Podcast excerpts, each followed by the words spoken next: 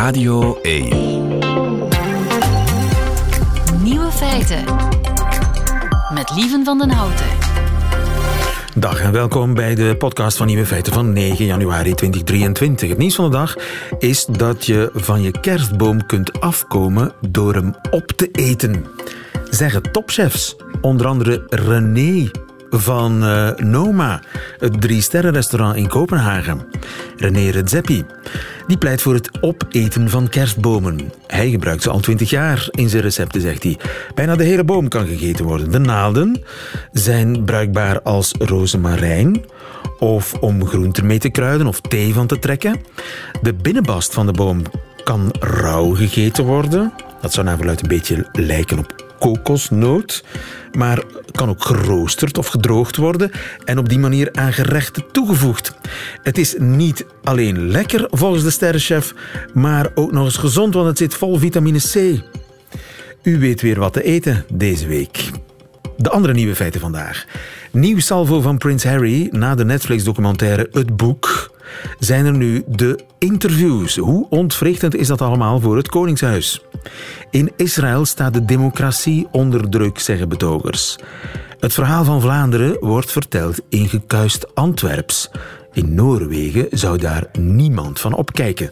Mutatis mutandis natuurlijk. En hoe zit het intussen in Wallonië? Dat vragen we aan Christophe de Borsu. De nieuwe feiten van Nico Dijkshoorn die hoort u in zijn middagjournaal. Veel plezier. Nieuwe feiten. Prins Harry die blijft maar schieten op zijn familie. Na het boek, na de documentaire, zijn er nu de interviews. Jo de Poorter, goedemiddag. Goedemiddag. Koningshuiskenner. Het houdt niet op, hè, Jo? Dat, zijn de, dat en dan in het Engels denk ik dat er nu gevloekt wordt door Oh, allerlei oh, oh. paleizen in Londen en ver daarbuiten. Want dus dat boek moet ook nog eens gepromoot worden. Dus zijn er televisie-interviews. En zo was er een interview gisteravond, geloof ik. Gisteravond bij ITV en gisteravond ook in ehm, de Verenigde Staten. Daar heeft hij er twee gegeven, eentje aan CBS en eentje aan ABC. En hij gaat daarin zo mogelijk nog verder dan in zijn boek, denk ik. Tenminste, ik heb het niet gelezen, maar voor het eerst hoor ik nu hem zeggen dat Camilla een soort heks is. She was the villain. She was the third person in the marriage. She needed to rehabilitate her image. That made her dangerous because of the connections that she was forging within the British press. And there was open willingness on both sides to trade of information. And with a family built on hierarchy, and with her on the way to being queen consort, there was going to be people or bodies left in the street. Wat verwijt hij Camilla?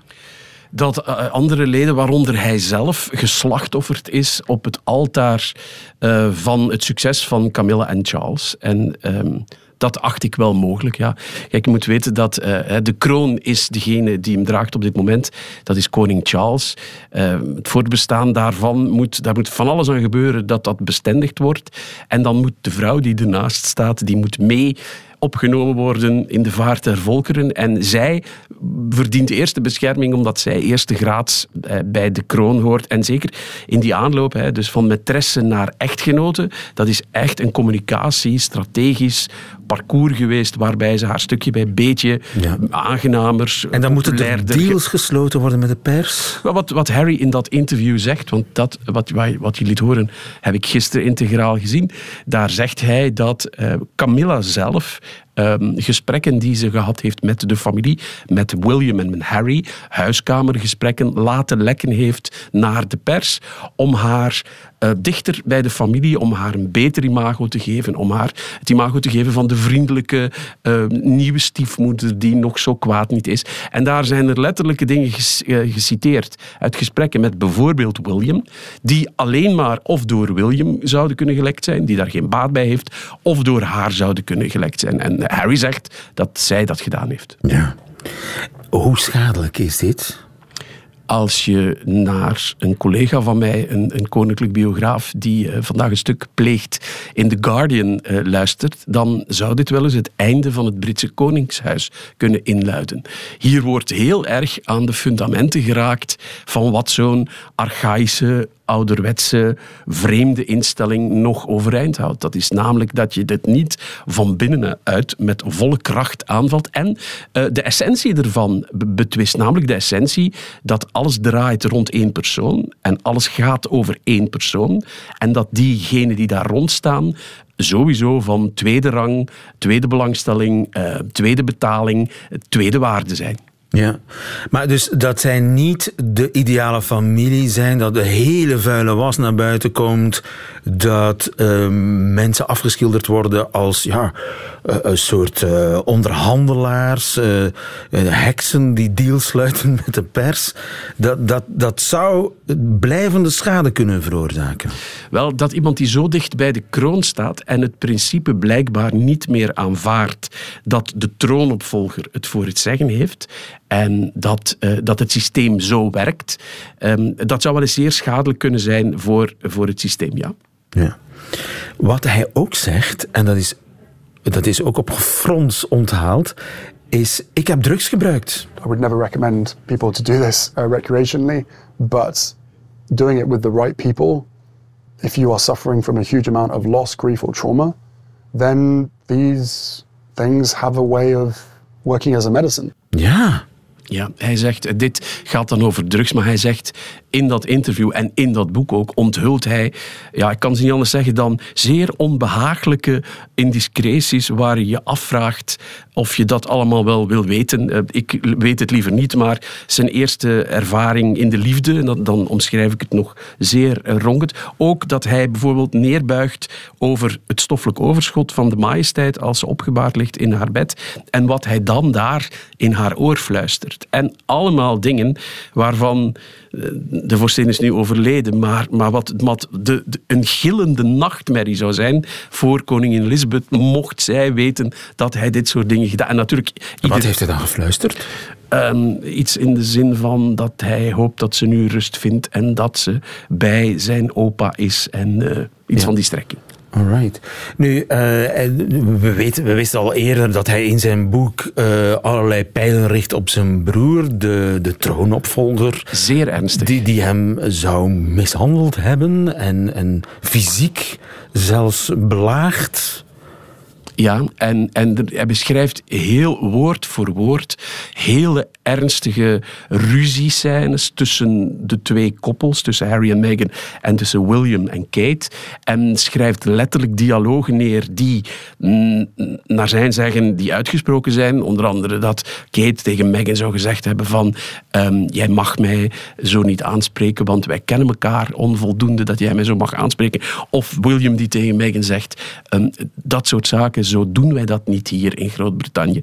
Dus je proeft die neerbuigendheid en die veroordeling uit alleen maar de manier waarop ze hun zinnen naar haar zeggen. Nogmaals, allemaal volgens eh, zoals Harry het weergeeft en zoals Harry het neergeschreven heeft. Ja.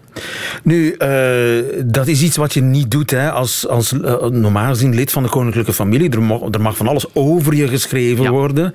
Maar zelf naar buiten komen met een boek. Dus zelf eigenlijk je, je, je interne keuken te gelden maken, mm. wat hij eigenlijk hier doet.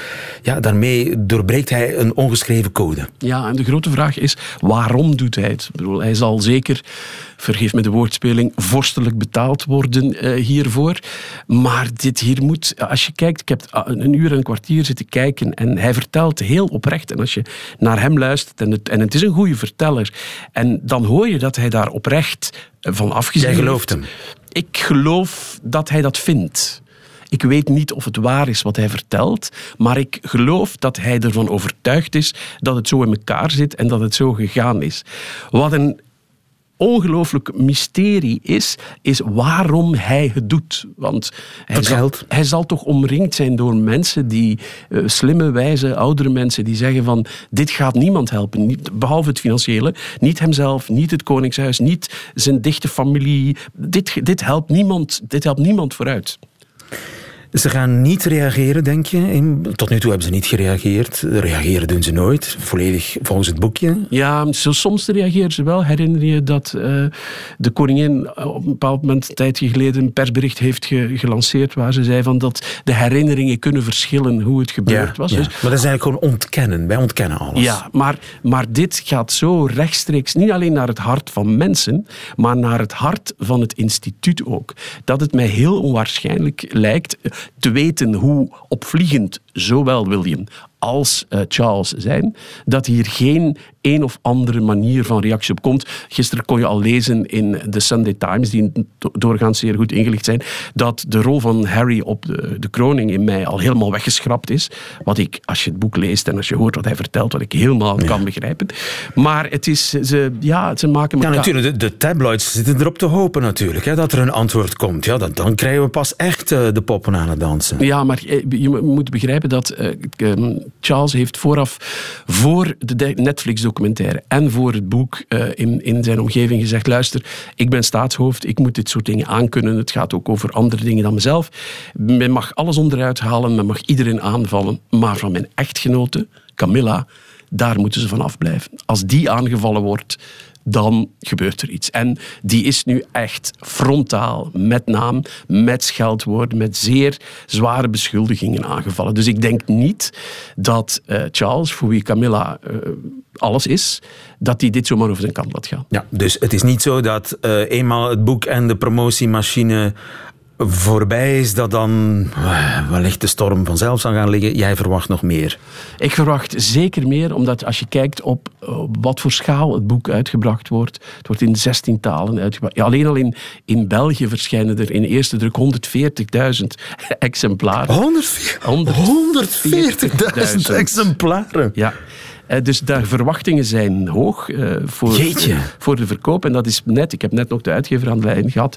En die zei dat is nog maar de eerste, uh, eerste druk. Eerste druk.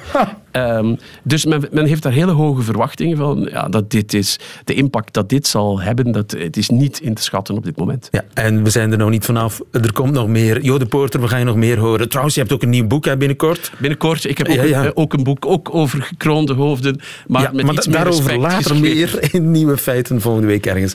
Dankjewel Jo en tot dan. Een goedemiddag. Nieuwe Feiten. Coucou de Namur. Met Christophe de Borsu. Op maandag gaan we altijd even turen bij de buren. En vandaag doen we dat in uh, Namen bij columnist van Belang van Limburg en RTL-journalist Christophe de Borsu. Goedemiddag Christophe en bonne année. Dag lieven. Ja, dag lieven. Coucou vanuit Namen, la capitale de la Bonnie. En bonne année natuurlijk. Lieven, ons traditionele raadsel om te beginnen. Ah, Herken okay. je die twee... Ja, voilà. Ah, ja, tuurlijk. Hè, dat is een traditie. Herken je die twee walen die hun beste wensen voor 2023 op de sociale netwerken hebben gehuid? Uh, Twee tips. De eerste is van Charleroi, zijn favoriete kleur is rood. De tweede is van Bergen, zijn geliefkoosde kleur is blauw. Dat het om gekleurde wensen gaat is trouwens meteen duidelijk. We beginnen met Charleroi. Chers amis, 2023 est enfin là. Une année que je vous souhaite généreuse, en bonheur personnel et en succès de toute nature. Vive le Parti Socialiste et excellente année à toutes et à tous. Voilà, Kijk maar, dat is toch dat is de Paul Magnet, hè? Ja, ja, ja, dat okay. klopt absoluut. Ja, ben ja, ik te dus vroeg? eer- Ben ik te vroeg? Nee, nee, nee, eerste raadsel opgelost. En dus nu de tweede, de wensen uit Bergen. Plus que jamais, soyez fiers d'être des libéraux et surtout, à chacune et à chacun, une merveilleuse année 2023. En volgens mij was dat uh, Georges-Louis Boucher. Gewone, perfect parcours, Ja. Ik weet trouwens niet of ik zelf uh, ofwel fier moet zijn om liberaal te zijn, of fier moet zijn om socialistisch te zijn. Ofwel, dat laat ik in het midden. In elk geval, het wordt hoog tijd dat de beste wensen, dat die beste wensen, concrete gevolgen sorteren voor Wallonië, neemt de werkstellingsgraad, namelijk het percentage van de beroepsbevolking die effectief werkt. In Vlaanderen is die werkstellingsgraad 77%, bravo, proficiat. In Wallonië is het slechts 65%. En de Waalse taux d'emploi daalde nog in 2022 min 0,4% in Oei. een jaar. Ja, inderdaad, Ja. Ja, ja, er zijn dus een paar oorzaken. Hè. De overstromingen van de zomer 21, de economische crisis, die de zwakkere gewesten nog meer treft dan de rijkere gewesten, zoals Vlaanderen. Maar Wallonië, Lieven, heeft ook blijkbaar een probleem van mentaliteit. Die twintiger uit Luik, uh, die u gaat horen, is jongleur. Hij werkt, maar dan in het zwart. En het is blijkbaar absoluut geen probleem voor hem. Vous êtes chercheur d'emploi ou pas euh, Ben oui, parce que je suis au CPS actuellement, donc je Ouais. cherche un emploi. Et est-ce qu'on fait tout pour que vous en retrouviez un ou pas Ah non, absolument pas. C'est-à-dire que j'ai même pas eu de contact avec mon assistante sociale depuis six- plus de 6 mois. Ah bon Euh, Donc euh, bon, je retouche moi mon argent tous les mois euh, sans rien glander là actuellement. Ouais. Ça vous incite à travailler euh Clairement pas. Oké, dus eh, als ik het goed begrijp, werkt deze jongeman in het zwart en Absoluut. leeft hij ook van een uitkering? Ja, hij verdient meer dan 1000 euro per maand van die uitkering, plus eh, wat hij in het zwart verdient. Dus eh, een mooi leven. Er zijn natuurlijk walen die hard werken, hè. het spreekt vanzelf. Eh, ik probeer mijn best te doen op dat gebied. Maar dus, wat het moreel betreft, gaat het ook niet zo goed met ons, met de walen. Dus sorry dat ik vandaag niet echt, niet echt vrolijk klink. Het is trouwens nu aan het regenen Zijn de Walen, depressief? Ja, de Walen zijn echt depressief. Twee keer meer depressieve Walen dan Vlamingen.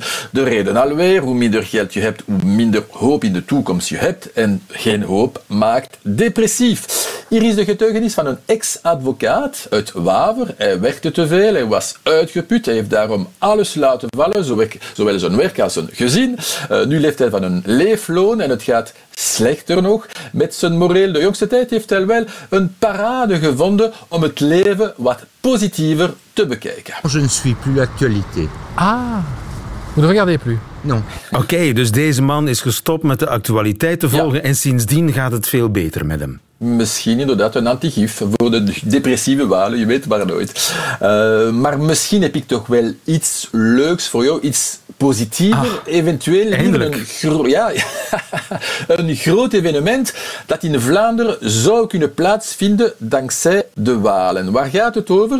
Eh, je weet misschien, lieven, dat België samen met Nederland de organisatie van het WK Hockey in 2026 toegewezen heeft gekregen, over drie jaar dus. Het WK moet in twee stadions plaatsvinden. eh, plaatsvinden. Het hockeystadion van Amsterdam, dat al lang klaar is, en het hockeystadion van Waver in Waals-Brabant. Prachtig. Mooi.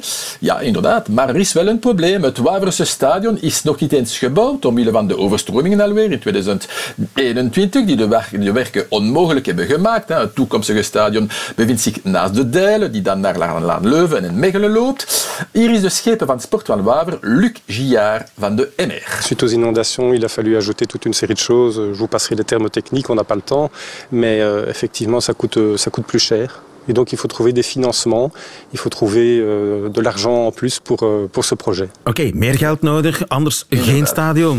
Ja, voor dus die twee jaar. eh, feesten uit... eh, wanneer? Ja, ja. In 2026? W- ja, WK Hockey in 2026. Wij hebben ook, eh, onze ploeg is wereldkampioen, olympisch kampioen ook, dus echt van belang. 2 à 4 miljoen eh, die moeten teruggevonden worden, maar niemand wil voorlopig betalen. Nog de stad Waver, nog de hockeyfederatie, nog het Waalsgewest. De baas van de Belgische Hockeybond heeft eh, dus al aangekondigd dat als er geen oplossing wordt gevonden, het WK Hockey in 2026 niet in Waver, maar wel in Antwerpen doorgaat. Est vrai que si nous parvenons pas à trouver une solution pour le stade, on va devoir se diriger vers un plan B. probablement à Anvers, mais cette solution serait une désillusion pour la Wallonie. Oei, Ja, absoluut. niet in Waver, maar in Antwerpen. Voilà, de, ja, de Waalse Dilemma. regering... dilemma. De Waalse regering eh, belooft een oplossing te vinden, maar ik zie voorlopig, moet ik wel zeggen, niks gebeuren. Met andere woorden, Antwerpen, hou je klaar. In België op het einde is het trouwens altijd Antwerpen dat wint, hè, lieve, dat weten we. Oké, ik veronderstel dat Antwerpen er klaar voor is. Ik heb geen idee. Eh, Christophe, kun je niet iets vermelden dat in, in 2023 in Wallonië wel goed zal gaan? Ja, ja, natuurlijk toch. hè. En zeer graag, lieve. Een paar voorbeelden, alweer onder de vorm van een raadsel. Hè. Eh, wie is, wat is de naam van de Waalse astronaut die in de komende jaren in de ruimte zal vliegen? Oei.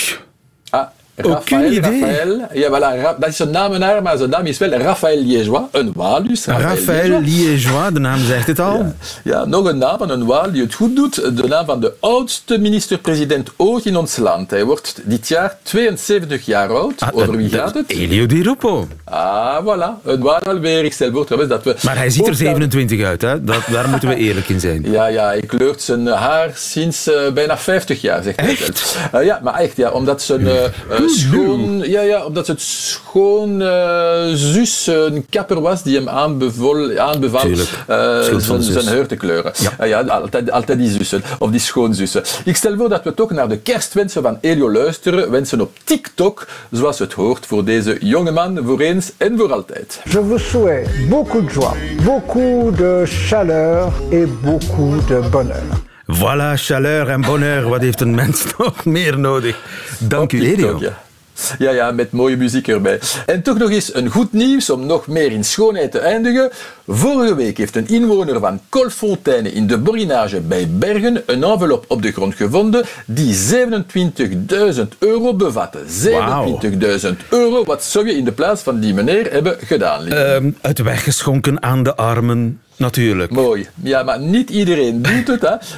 Eh, ja, dus ja, de, de meneer heeft de envelop eh, die, en de 27.000 euro aan de politie gegeven. Nog die beter. de eigenaar na een paar dagen heeft teruggevonden. Sindsdien praat iedereen over hetzelfde in Colfontaine. Wat zou ik ook daarmee hebben gedaan? Vous trouvez euh, une enveloppe comme ça en rue avec un peu plus de 27 000 euros à l'intérieur. Qu'est-ce que vous faites Je tiens tout pour moi. C'est tout. Voilà. Ja, maar waar kwam die 27.000 euro vandaan? Ah, ja, Cash. dat is natuurlijk... Ja, inderdaad. Dat is, er zijn dus blijkbaar nog rijke walen. Dat is de vraag. De eigenaar wil niet reageren in de media. We zullen dat misschien weten in de loop van 2023. Koekoe en heel prettige namiddag, lieven. Dag, Christophe de Borsu en tot de volgende keer.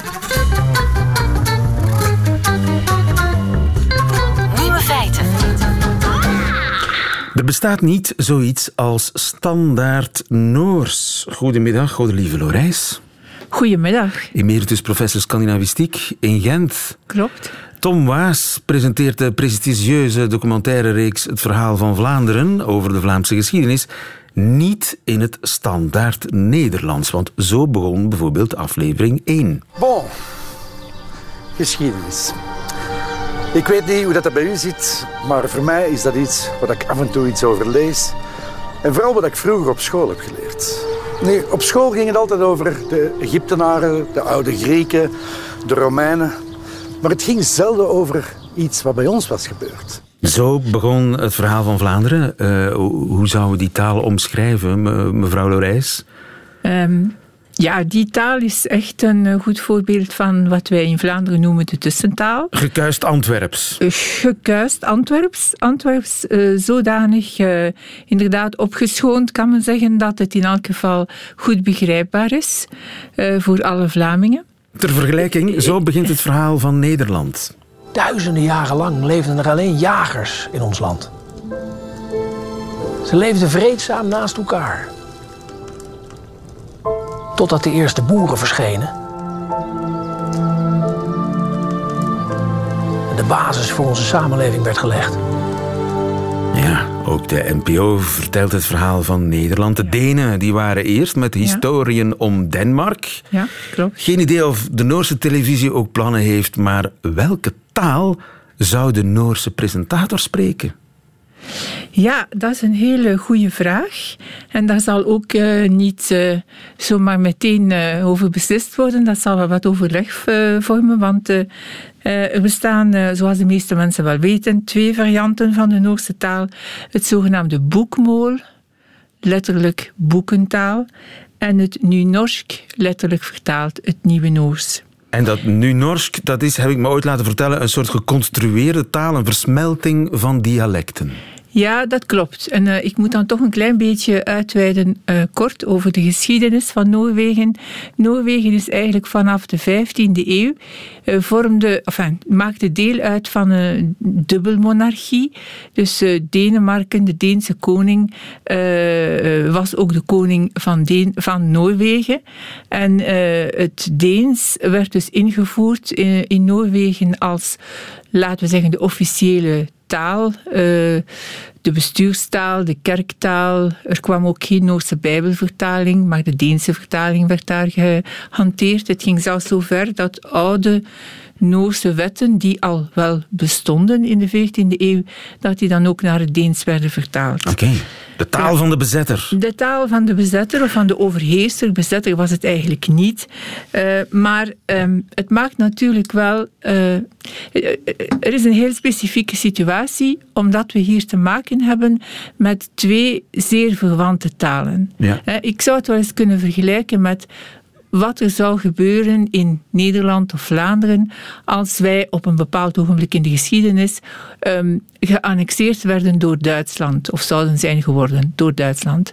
En het Duits wordt dan ingevoerd als officiële taal. Wel, er ontstaat dan wat ik zou noemen een proces van osmose. Het is niet zoals het Frans en het Nederlands of het Engels en het Frans in Canada. Uh, die twee zelfstandige talen blijven. Daar zijn wel wat raakvlakken Juist. en mengwoorden, maar op zich uh, kan dat nooit tot één geheel uh, leiden. Dat Ja. is dan wel in Noorwegen gebeurd, vooral in het zuidoostelijke gedeelte met Oslo, wat toen niet Oslo heette, maar Christiania, genoemd naar de Deense koning Christian. En eh, men, is, eh, men kan eigenlijk zeggen dat men Deens schreef en Deens sprak met een Noorse tongval. En zou je kunnen zeggen dat die twee eh, huidige standaardtalen, boekmool en Nunorsk, dat dat boekmool eigenlijk ja, de opvolger is van het Deens, een soort ver, vernoord Deens. Ja. En Nunorsk eigenlijk een, ja, een versmelting is van eh, Noorse dialecten. Ja, dat, dat klopt. En dan heeft men beslist om in feite een dubbele taal, dubbele standaardtaal aan te houden. Dus bijvoorbeeld, wat, wat ik het meest markante vind, ouders gaan nog steeds, als de kinderen naar school gaan, moeten zij te kennen geven welk Noors ze als eerste hoofdmool, dus als eerste, als hoofdtaal eigenlijk willen ehm, Ah ja, en zijn dat leren. aparte scholen dan? De ene, Ja, je hebt- een Nunorsk school en een. Ja, of dat kunnen aparte leraren zijn, dat verschilt.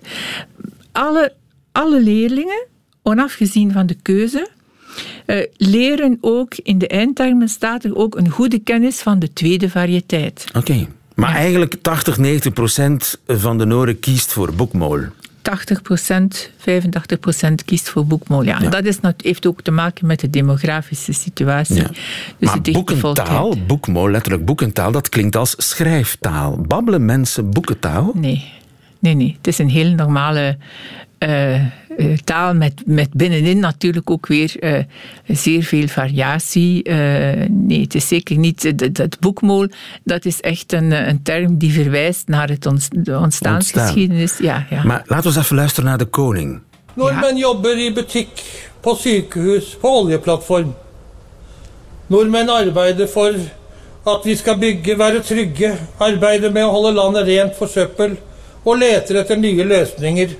spreekt de koning? Boekmool. Ja, uitgesproken. Uitgesproken boekmool. Ja. Even luisteren naar Ja, vi tv-nieuws. ønsker god kveld og vel møtt til Søndagsrevyen, der vi i magasinet bl.a. skal til Storbritannia. For i dag har dronning Elisabeth sittet 70 år på tronen. Hun sier hun ønsker at hertuginne Camilla blir dronning når Charles blir konge, og det skaper overskrifter. Lijkt me ook heel netjes. Volledig boekmool. Boekmool. Ja. Mhm, Even naar de Noorse Clara Frode luisteren. Larsen og Per Sundnes har fabelaktige gjester som faktisk klarer å brøyte seg gjennom all sneen. Ja, altså. Anne Marit Jacobsen hun hadde brodder over hele kroppen, som hun sa. Eh, nå venter vi spent. Vi har ikke hørt noe fra Dit klinkt mij helemaal anders. Eh, er zijn twee personen Ja? eh, in deze opname. De ene spreekt nu Norsk, de andere spreekt boekmool. Ah.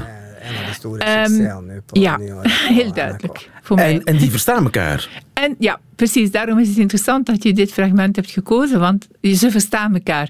Er is ook geen enkele vorm van ondertiteling. Er wordt nooit vertaald.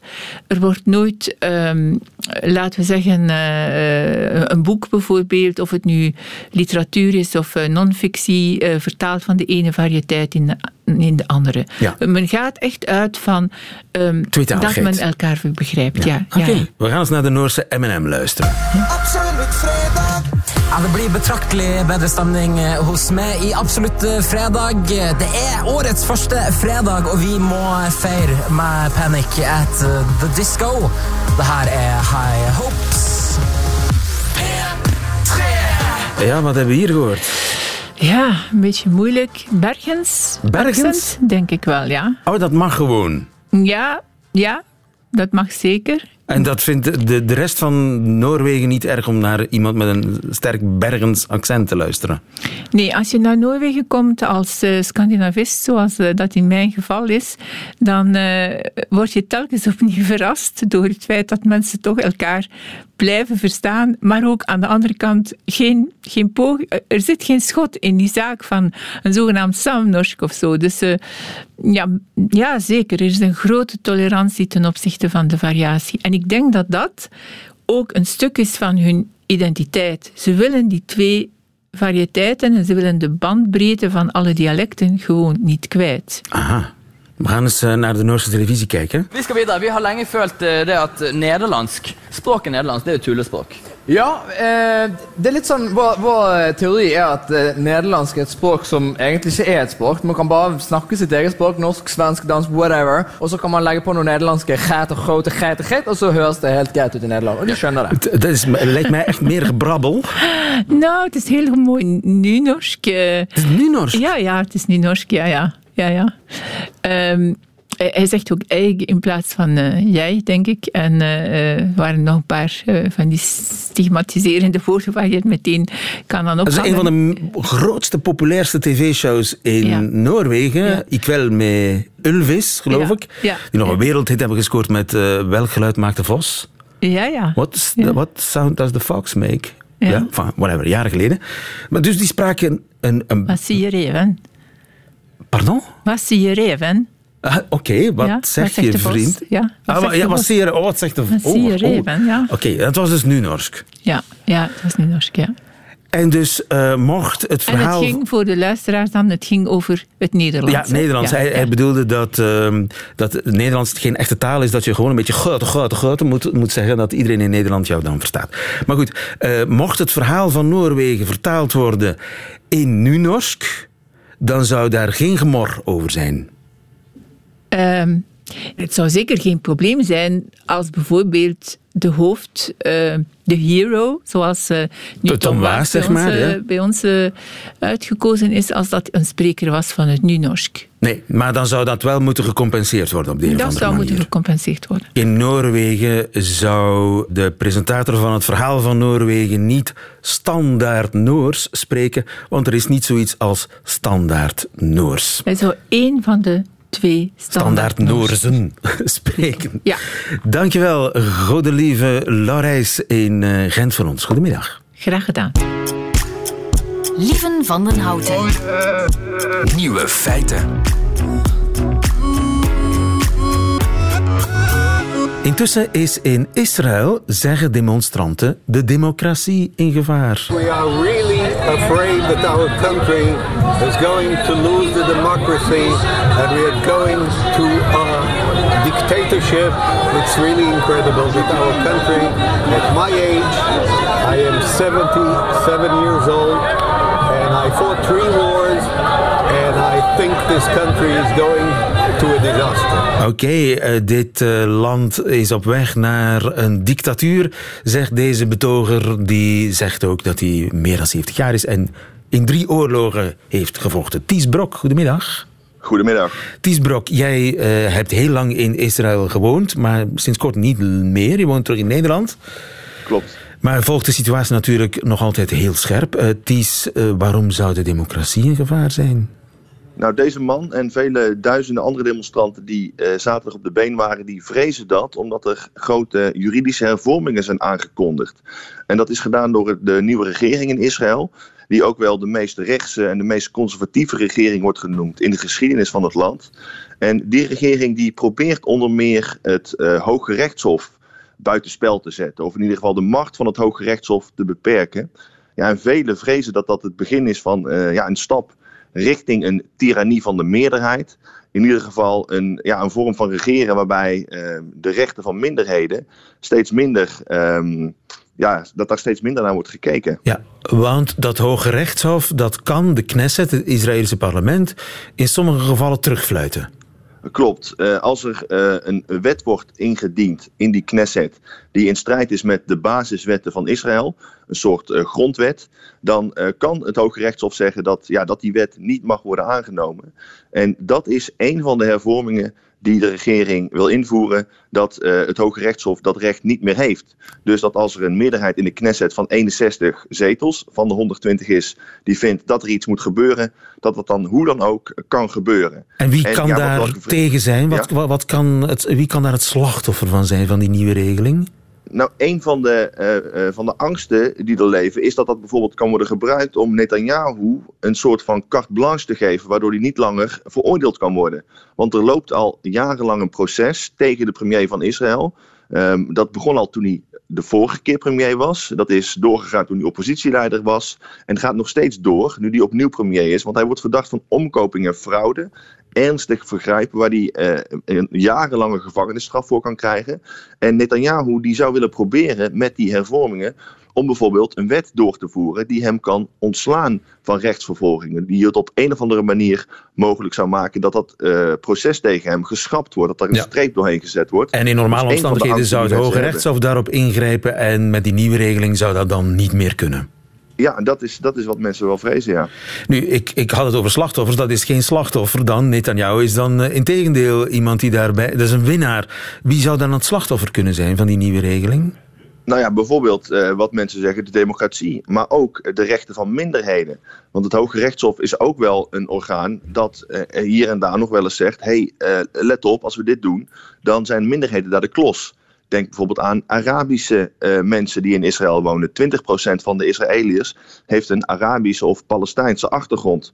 Die eh, voelen zich vaak al ernstig gediscrimineerd, worden ook wel gezien als tweederangs burgers. En met dit soort hervormingen ja, komt hun positie verder onder druk te staan. Ja, maar ook LGBTQ, et cetera, Zeker. mensen. En, en daarbij is het ook wel van belang om te vermelden dat er diverse eh, leden zijn van de nieuwe Israëlische regering die zichzelf trots homofoob. Bijvoorbeeld Trots homofoob? Financiën. Ja, die zeggen ehm, eh, homo's die, eh, ja, zijn niet zoals hetero's. Die hebben eh, het een en ander eh, dat ze mankeren. En daar moet niet te veel ruimte voor zijn binnen de Israëlische Ja. gemeenschap. Oké, in een eigen huis mag je doen wat je wil. Maar die zijn bijvoorbeeld tegen het, promoten van LGBT-waarden. Ja. En nogthans, ja, Tel Aviv is misschien wel de enige stad in het Midden-Oosten die liberaal is wat dat betreft. Klopt. En dat is inderdaad ook binnen Israël wel een soort bubbel Tel Aviv. Want als je buiten Tel Aviv gaat, als je bijvoorbeeld in Jeruzalem gaat of in ultra-orthodoxe wijken, die je ook om Tel Aviv heen hebt, ja, dan is het met die eh, rechten voor homo's al heel, heel anders gesteld dan inderdaad in Tel Aviv, waar heel veel kan en mag. Eh, hebben de betogers gelijk dat de democratie in gevaar is? Want Netanyahu die zegt, nee, ik wil juist meer democratie. Het laatste woord aan het parlement. Wat kan er democratischer zijn? Ja, ik denk dat het ook afhangt van wat je onder democratie verstaat. Als je onder democratie verstaat dat eh, als er eh, een meerderheid is van net iets meer dan 50% en dat die kan doen en laten wat ze willen, dat die eigenlijk eh, zich aan minderheden niet veel gelegen hoeven te laten liggen, omdat zij dan de wil van het volk zouden vertolken. Dan kun je zeggen, inderdaad, dit is meer democratie. Maar als je democratie ziet als iets waarbij ook de rechten van minderheden in ogenschouw worden genomen, waarbij niet een groep die de meerderheid heeft kan doen en laten wat hij wil, ja, dan begrijp ik op zich wel de angsten die eh, sommige betogers hebben dat dit een stap is in de richting van ja, zeg een Hongaarse democratie of een democratie eh, zoals die ook in andere landen bestaat. Juist. Netanyahu, eh, het zijn nog maar plannen. Het zou kunnen dat als hij te ver meestapte in de extreme vleugel van zijn regering, dat hij steun bij ja, klassiek rechts, zeg maar, verliest. Hij heeft de steun van een deel van klassiek rechts al verloren. Want er zijn ook in de oppositie allerlei partijen die absoluut rechts zijn. Als je bijvoorbeeld kijkt naar hoe ze denken over eh, de Palestijnse kwestie. Die bijvoorbeeld zeggen dat eh, Israël door mag gaan met het uitbreiden van nederzettingen in bezet gebied. Wat illegaal is volgens internationaal recht. Wat al decennia lang gebeurt. Die zeggen dat is op zich prima. Die zijn dus echt wel rechts te noemen. Maar die wel vinden dat Netanyahu weg moet. Dus hij heeft zeker een deel van die rechtse aanhang absoluut al verloren. Maar er blijft tegelijkertijd een hele grote groep Israëliërs die hem door dik en dun steunt. Die zeggen, dit is onze leider, een sterke leider die Israël vertegenwoordigt op het internationale toneel. Die opkomt voor de veiligheid van Israël. Ja, en die blijven hem steunen en die hebben ook mogelijk gemaakt dat hij nu is teruggekeerd als premier van Israël. Ja, en eh, hij zal zijn plannen wellicht hard maken. Benieuwd of eh, die betogers dat wel zullen pikken en of de rust terugkeert in Israël. Is Israël nog een democratie? Het is een open vraag. Ties Brok, dankjewel. Goedemiddag. Graag gedaan. Radio 1. Nieuwe feiten.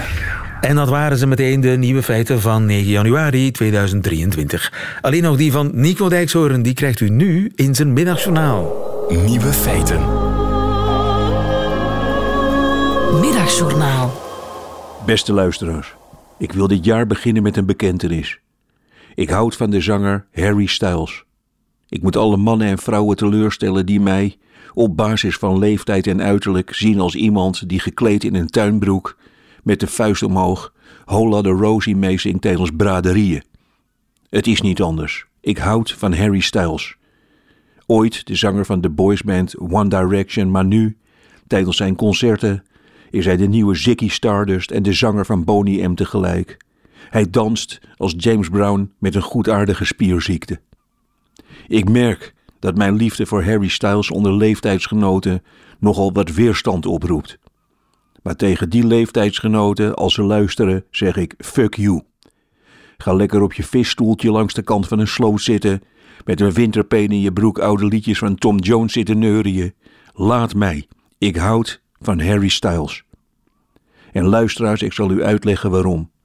Hij kan het liedje Sledgehammer van Peter Gabriel live perfect zingen. Tientallen keren heb ik in karaokecafés overmoedige figuren vocaal volkomen door het ijs zien zakken tijdens het zingen van Sledgehammer. Probeert u het zomaar eens een keer als ik klaar ben. Dat lukt u niet. Iedereen die Sledgehammer meezingt, die klinkt als een verkoude eend, als een langzaam gegaard en toch nog een beetje levend piepkuiken, als een hond waar je per ongeluk op gaat zitten. Harry Styles niet. Op YouTube heb ik het hem live zien zingen en het was verbijsterend goed. En dat was ook het filmpje waarmee Harry mij definitief binnenhengelde. Hij droeg een driekwart wollen vestje met een hoge hals en vlak onder zijn kin hing een ketting van parelmoer. Hij was mijn oma en Peter Gabriel tegelijk. Allemaal genoeg redenen om van iemand te gaan houden. Maar het is toch vooral zijn liedje As It Was, waarmee hij mij, een oude stramme man, definitief binnenhengelde. Harry Styles zingt: You know, it's not the same as it was. As it was, as it was. En hij zingt dat wel twintig keer in het liedje. En luisteraars, iedere keer knik ik. Want hij heeft gelijk.